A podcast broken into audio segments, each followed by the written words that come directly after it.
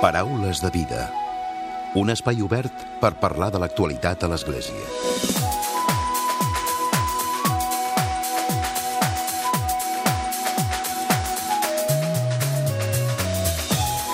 Què tal? Salutacions i molt bon dia, molt bon diumenge. Avui les nostres propostes ens fan parlar de la Fundació Pere Tarrés i és que ja s'han obert les inscripcions per les colònies d'estiu amb el lema L'estiu, vacances per créixer. La Fundació Pere Tarrés i els seus centres d'esplai federats han preparat més de 450 activitats per tal que els infants i els joves gaudeixin d'un temps de lleure de qualitat.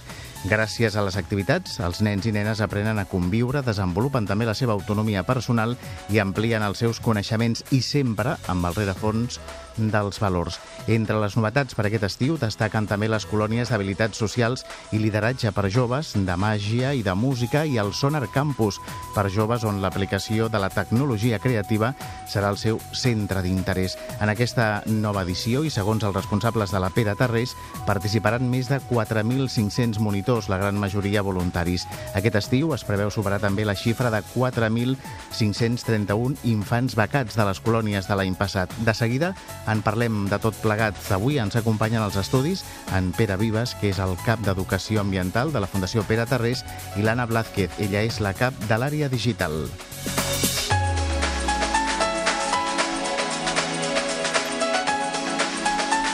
I com sempre també arribarà el nou comentari de l'actualitat de Francesc Romeu. Comencem.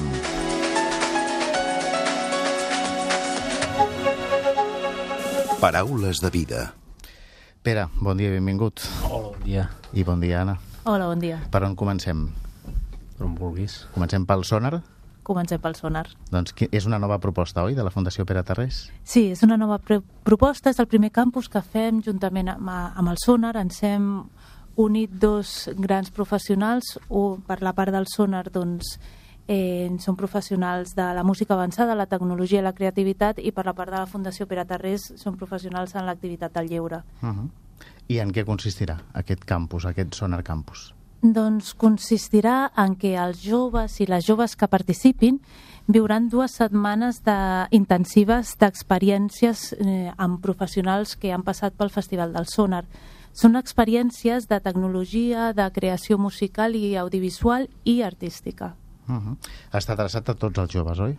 Està adreçat als joves de entre 14 i 17 anys. Uh -huh. Hi ha una preferència? Mm, cap preferència, o sigui, que tinguin ganes d'experimentar, de, no es necessita cap nivell previ, per tant, es començarà a programar des de zero i els que ja coneguin una miqueta més de la programació doncs podran avançar i experimentar més. Ara, com deies, Anna, mm, ho impartiran professionals que han passat pel sonar. Mm. Parla'ns una mica de quins són aquests perfils de professionals que, que estaran en aquest campus. Són professionals eh, escollits expressament doncs, que que actualment s'estan dedicant a la música electrònica o, als arts, o a les arts visuals o fins i tot doncs, també a, a nivell pedagògic fan, eh, fan formació. Eh, són professionals com del tipus de l'Alba García Corral, eh, la Lina Lab, l'Antònia la, Folguera, la, la Mariona Siller de, de Soco i el Marci Vila. Uh -huh. I el plantejament que heu fet eh, quan prepareu aquest campus, eh, què és el que hauran d'aprendre els, els nanos, els infants? Ho hem dividit en dues setmanes. Eh, són dues setmanes totalment independents, per tant es pot escollir la primera o la segona setmana o les dues. I durant la primera setmana el que ens centrarem més és amb, amb la part més audiovisual i de uh, composició musical uh, electrònica uh, en directe. Aleshores farem servir diferents programes, són programes eh, de programari lliure perquè després puguin continuar des de casa doncs, provant i experimentant i, i potser doncs, són els futurs professionals de Sonar, qui sap. I després la segona setmana l'hem centrat més a, eh, amb l'Arduino, que, que també és un llenguatge de, de programació i una placa que ens permetrà construir un instrument eh, electrònic musical. Suposo que és llaminer, no?, pels, eh, pels joves quan els hi parlem d'arts visuals... Mm. Sí, la veritat és que també el que, el que hem volgut reflexar amb, amb aquest campus és que la programació no només és programar robots, sinó que també la, la part artística també eh, té tecnologia i, i té eh, creativitat, no? I, i que això ho poden fer amb una petita empenta que, que se'ls doni des del campus però que després poden continuar treballant ells. És la primera vegada, no sé si teniu alguna eh, previsió de, de joves que puguin participar o una mica com, com valoreu això? Espero que s'apuntin moltíssims joves, fins i tot que tinguem eh, llista d'espera, perquè eh, realment mm, tenim places limitades perquè és el primer any i tampoc volíem fer... Ho heu acotat. Sí, ho hem acotat mo molt, per tant, eh, els primers que s'apuntin seran els, els que podran participar. Ah. I qui es vulgui apuntar, què és el que ha de fer? Doncs s'ha d'entrar a, la, a la pàgina web, que és sonarcampus.peraterres.org i allà fer el registre i la inscripció online. Uh -huh. Suposo que, que potser s'esgoten aviat les places, no? En el moment de parlar de, de Sonar i de la mm. Fundació Pere Terrés, no? eh, esperem, esperem que s'agotin de seguida, ah. sí, sí. Doncs aquesta és una de les propostes, però, com dèiem també, ara s'obre el període d'inscripcions per les colònies, oi, Pere? Sí, des de segona setmana de febrer que ah. vam, vam obrir, de fet ja portem ara farà un mes uh -huh. i, i molt contents perquè doncs, ja hi ha bastants nens que ja han iniciat la, la inscripció no? tot i que el fort està per arribar eh? Uh -huh. que, Setmana Santa és un, és un inici de la gent, les famílies ens recorden de que ve l'estiu aviat i que per tant cal, cal reservar les activitats si, si vols anar a les, a les que cadascú vol. No? Cada any parlem de, de l'inici de, de les inscripcions al, a les colònies i als casals. Quina és la novetat que hi ha aquest any per, per les colònies, pel que són les, les colònies? Aquest any, dins del programa de colònies, novetats eh, tenim quatre. una, sobre, una que és per adolescents, sobretot, que és d'habilitats socials i, i lideratge.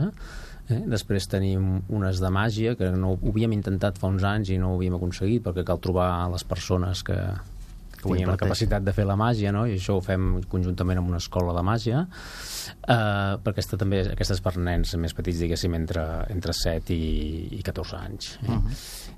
Després en tenim unes de música, que aquestes uh, estan molt bé perquè mm, diguéssim, és un...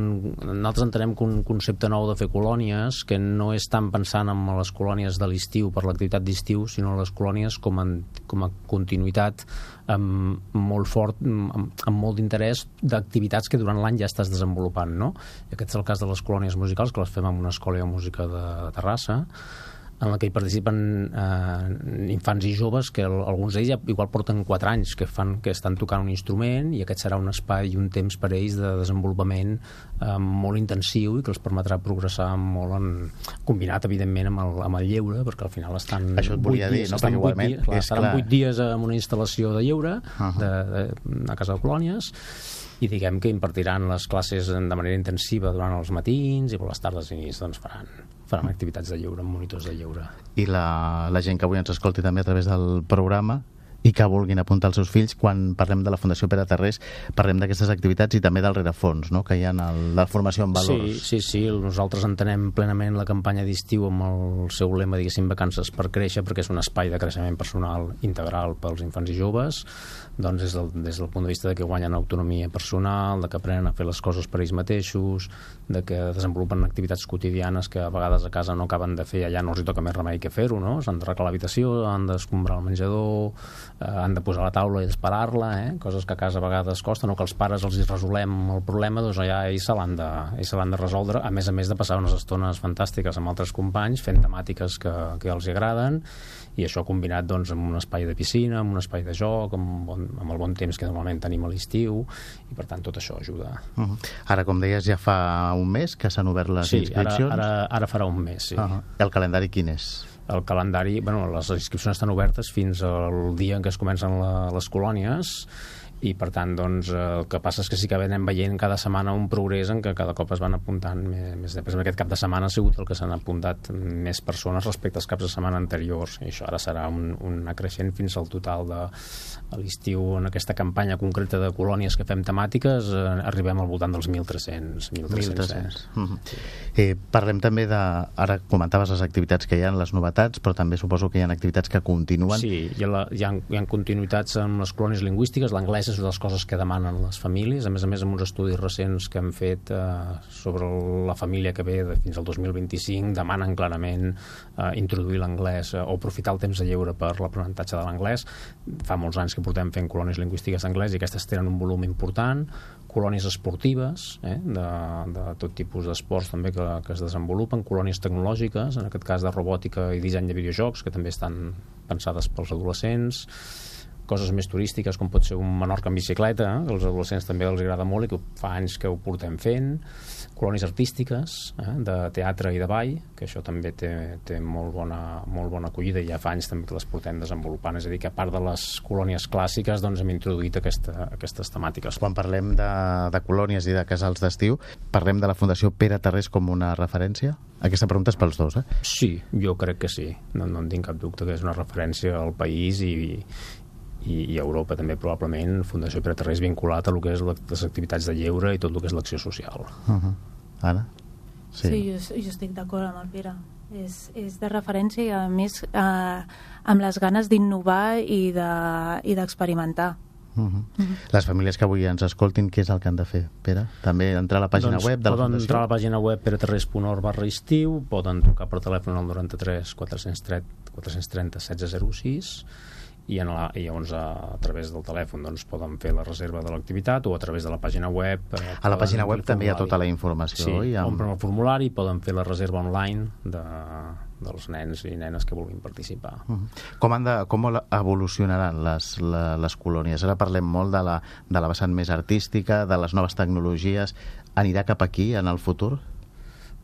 Podria ser, podria ser les noves tecnologies com a recurs, per això. Me les imagino més com a recurs que no tant com a pròpiament el contingut de la, de la colònia. És a dir, aprofitar les, les noves tecnologies... les colònies per... es tecnificaran en el seu desenvolupament, de, d'això no estic convençut. De fet, ja està passant, eh? Cada cop intervenen més els ordinadors, intervenen més les tauletes, els mòbils ja estan entrant de manera important, tot, tot i que no està accent de moltes dificultats, estan entrant de manera important en el món de les colònies i això anirà arribant.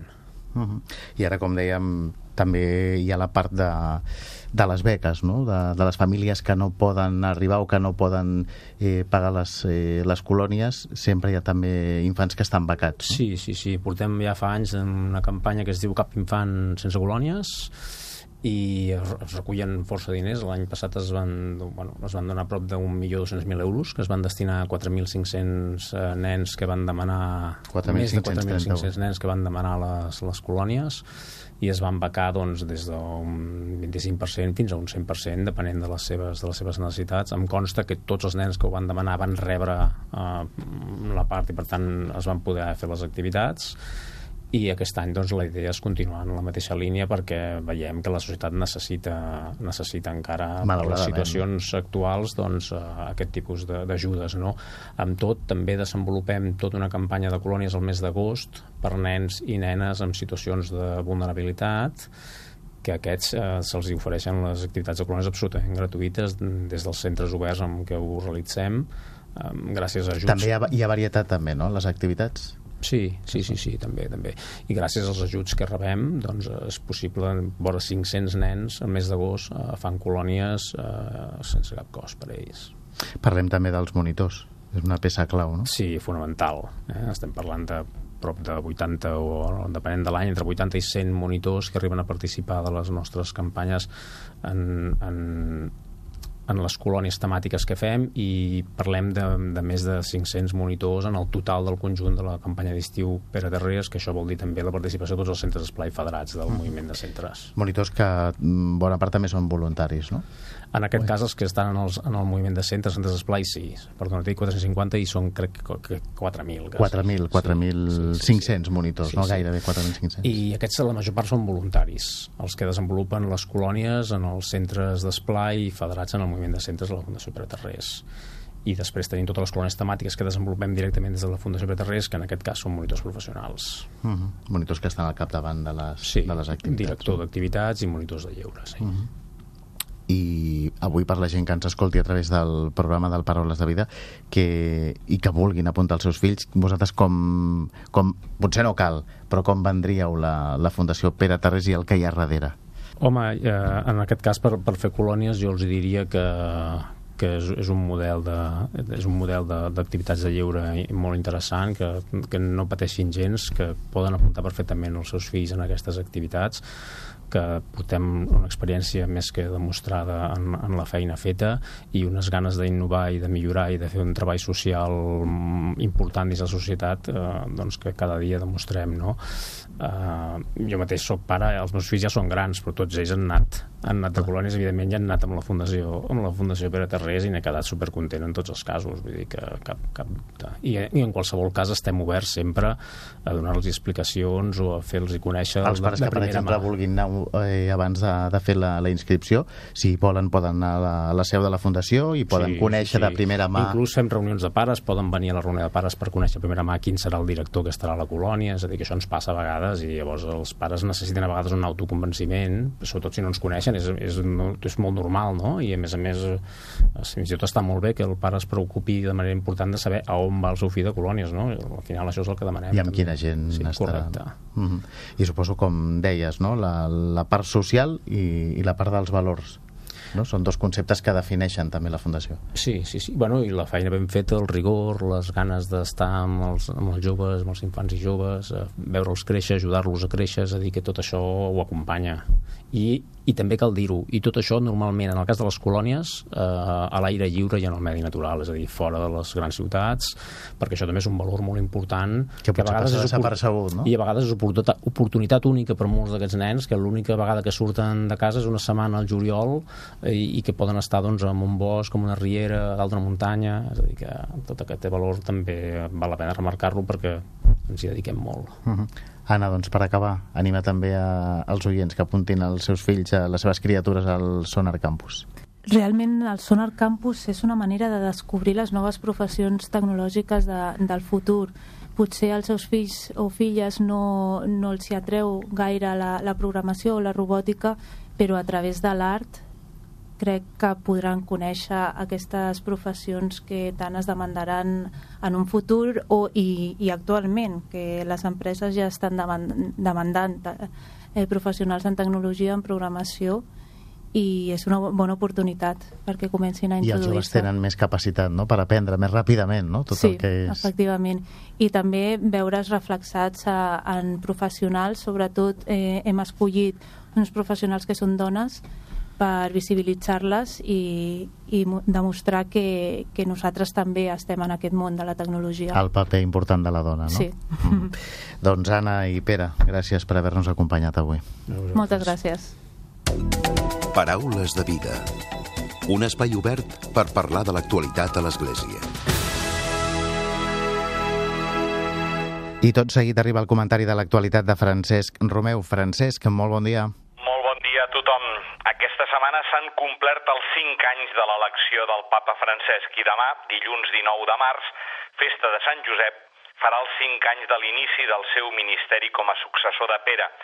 L'any passat ja vam dir que 4 anys per a un líder polític era considerat com una legislatura, com un temps prou suficient per poder portar a la pràctica un nou estil i una nova manera de fer que es perpetuïn el temps.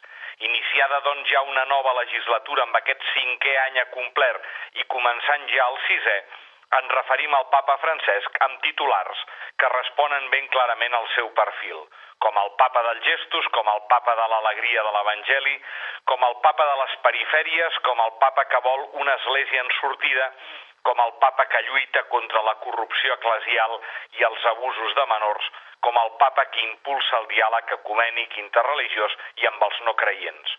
Un perfil del qual ben segur la nostra església ja no pot tornar enrere.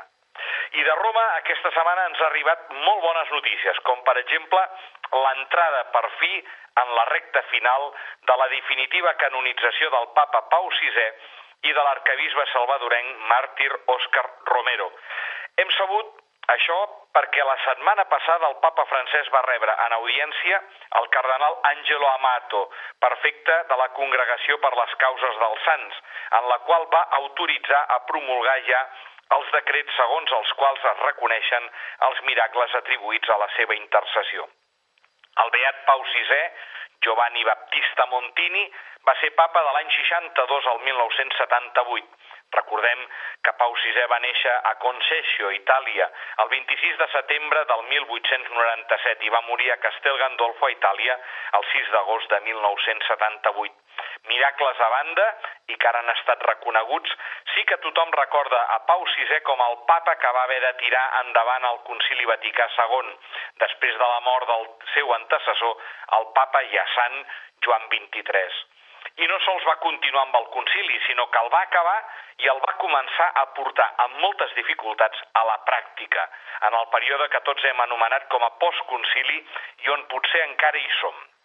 El papa Pau VI se'l recorda com un home profundament humanista i gran pensador, tal i com es pot comprovar en les seves encícliques, com per exemple la Populorum Progressio, que encara podem considerar ben actual.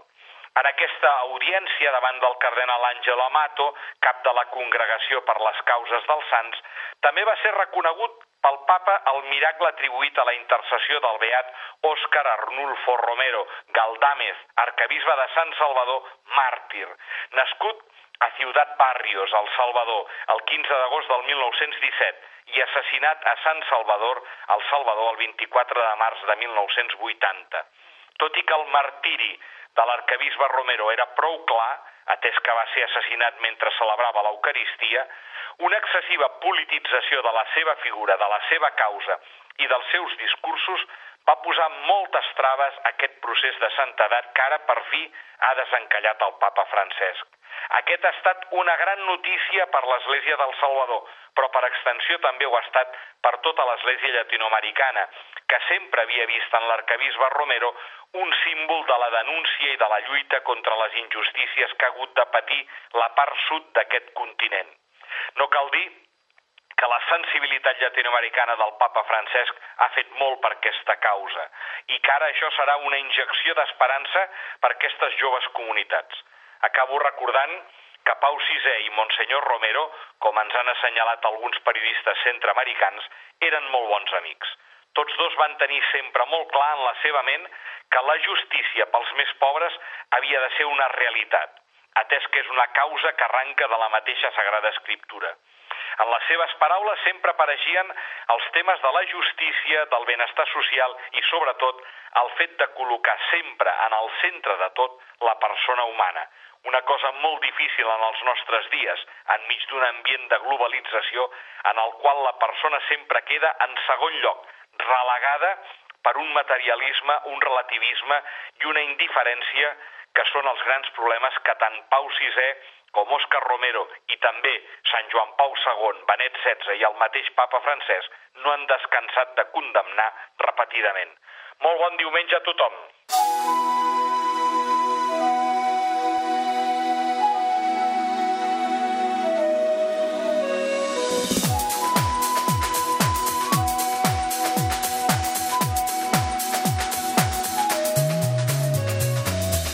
Fins aquí el Paraules de Vida. L'Edu Arnàs ha estat el control tècnic i qui us ha parlat l'Emili Pacheco. Que passeu bon diumenge i una molt bona setmana.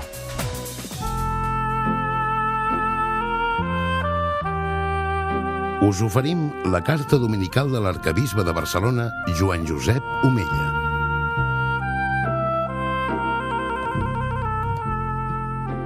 Déu vos guard.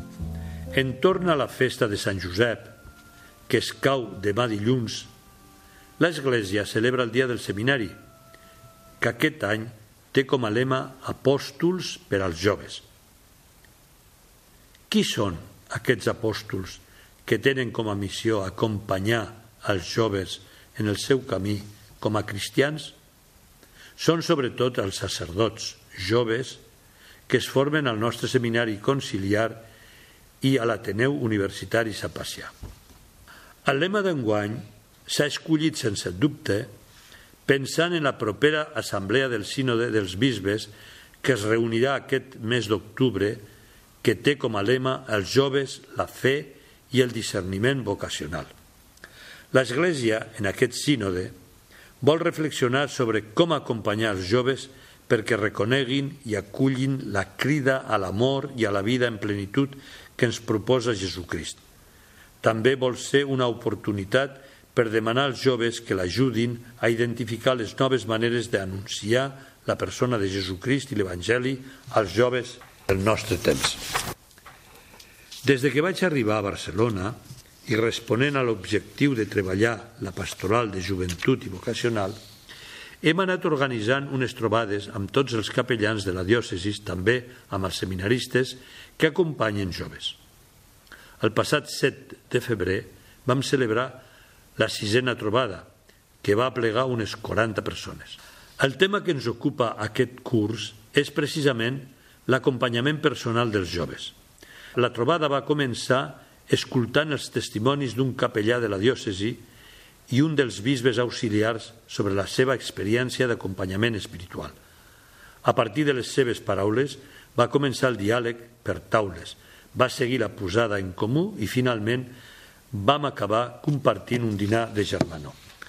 Els joves ens diuen que necessiten els preveres, que necessiten la nostra disponibilitat, el nostre temps i la nostra atenció. El problema, diuen els joves, és que no saben on trobar-nos perquè la parròquia està gairebé sempre tancada o bé ens veuen atrafegats per tantes coses que no s'atreveixen a molestar-nos.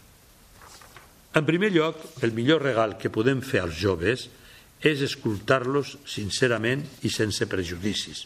Ara bé, aquesta escolta ha de ser conseqüència de la nostra relació d'amistat profunda, continuada i personal amb Jesucrist. Ens cal més temps per Jesucrist i més temps per l'acompanyament i l'escolta personalitzada. Segurament això requerirà tota una reorganització de les prioritats de la nostra agenda i més col·laboració dels laics per tal que els preveres ens puguem dedicar a allò que és essencial en el nostre ministeri – ja que si no ho fem nosaltres quedarà per fer. En segon lloc, vull recordar que els joves d'avui són desconfiats davant dels qui, com diuen ells, els volen escalfar el cap. De fet, com ja va dir Pau VI, els joves, més que els mestres, prefereixen i escolten els testimonis.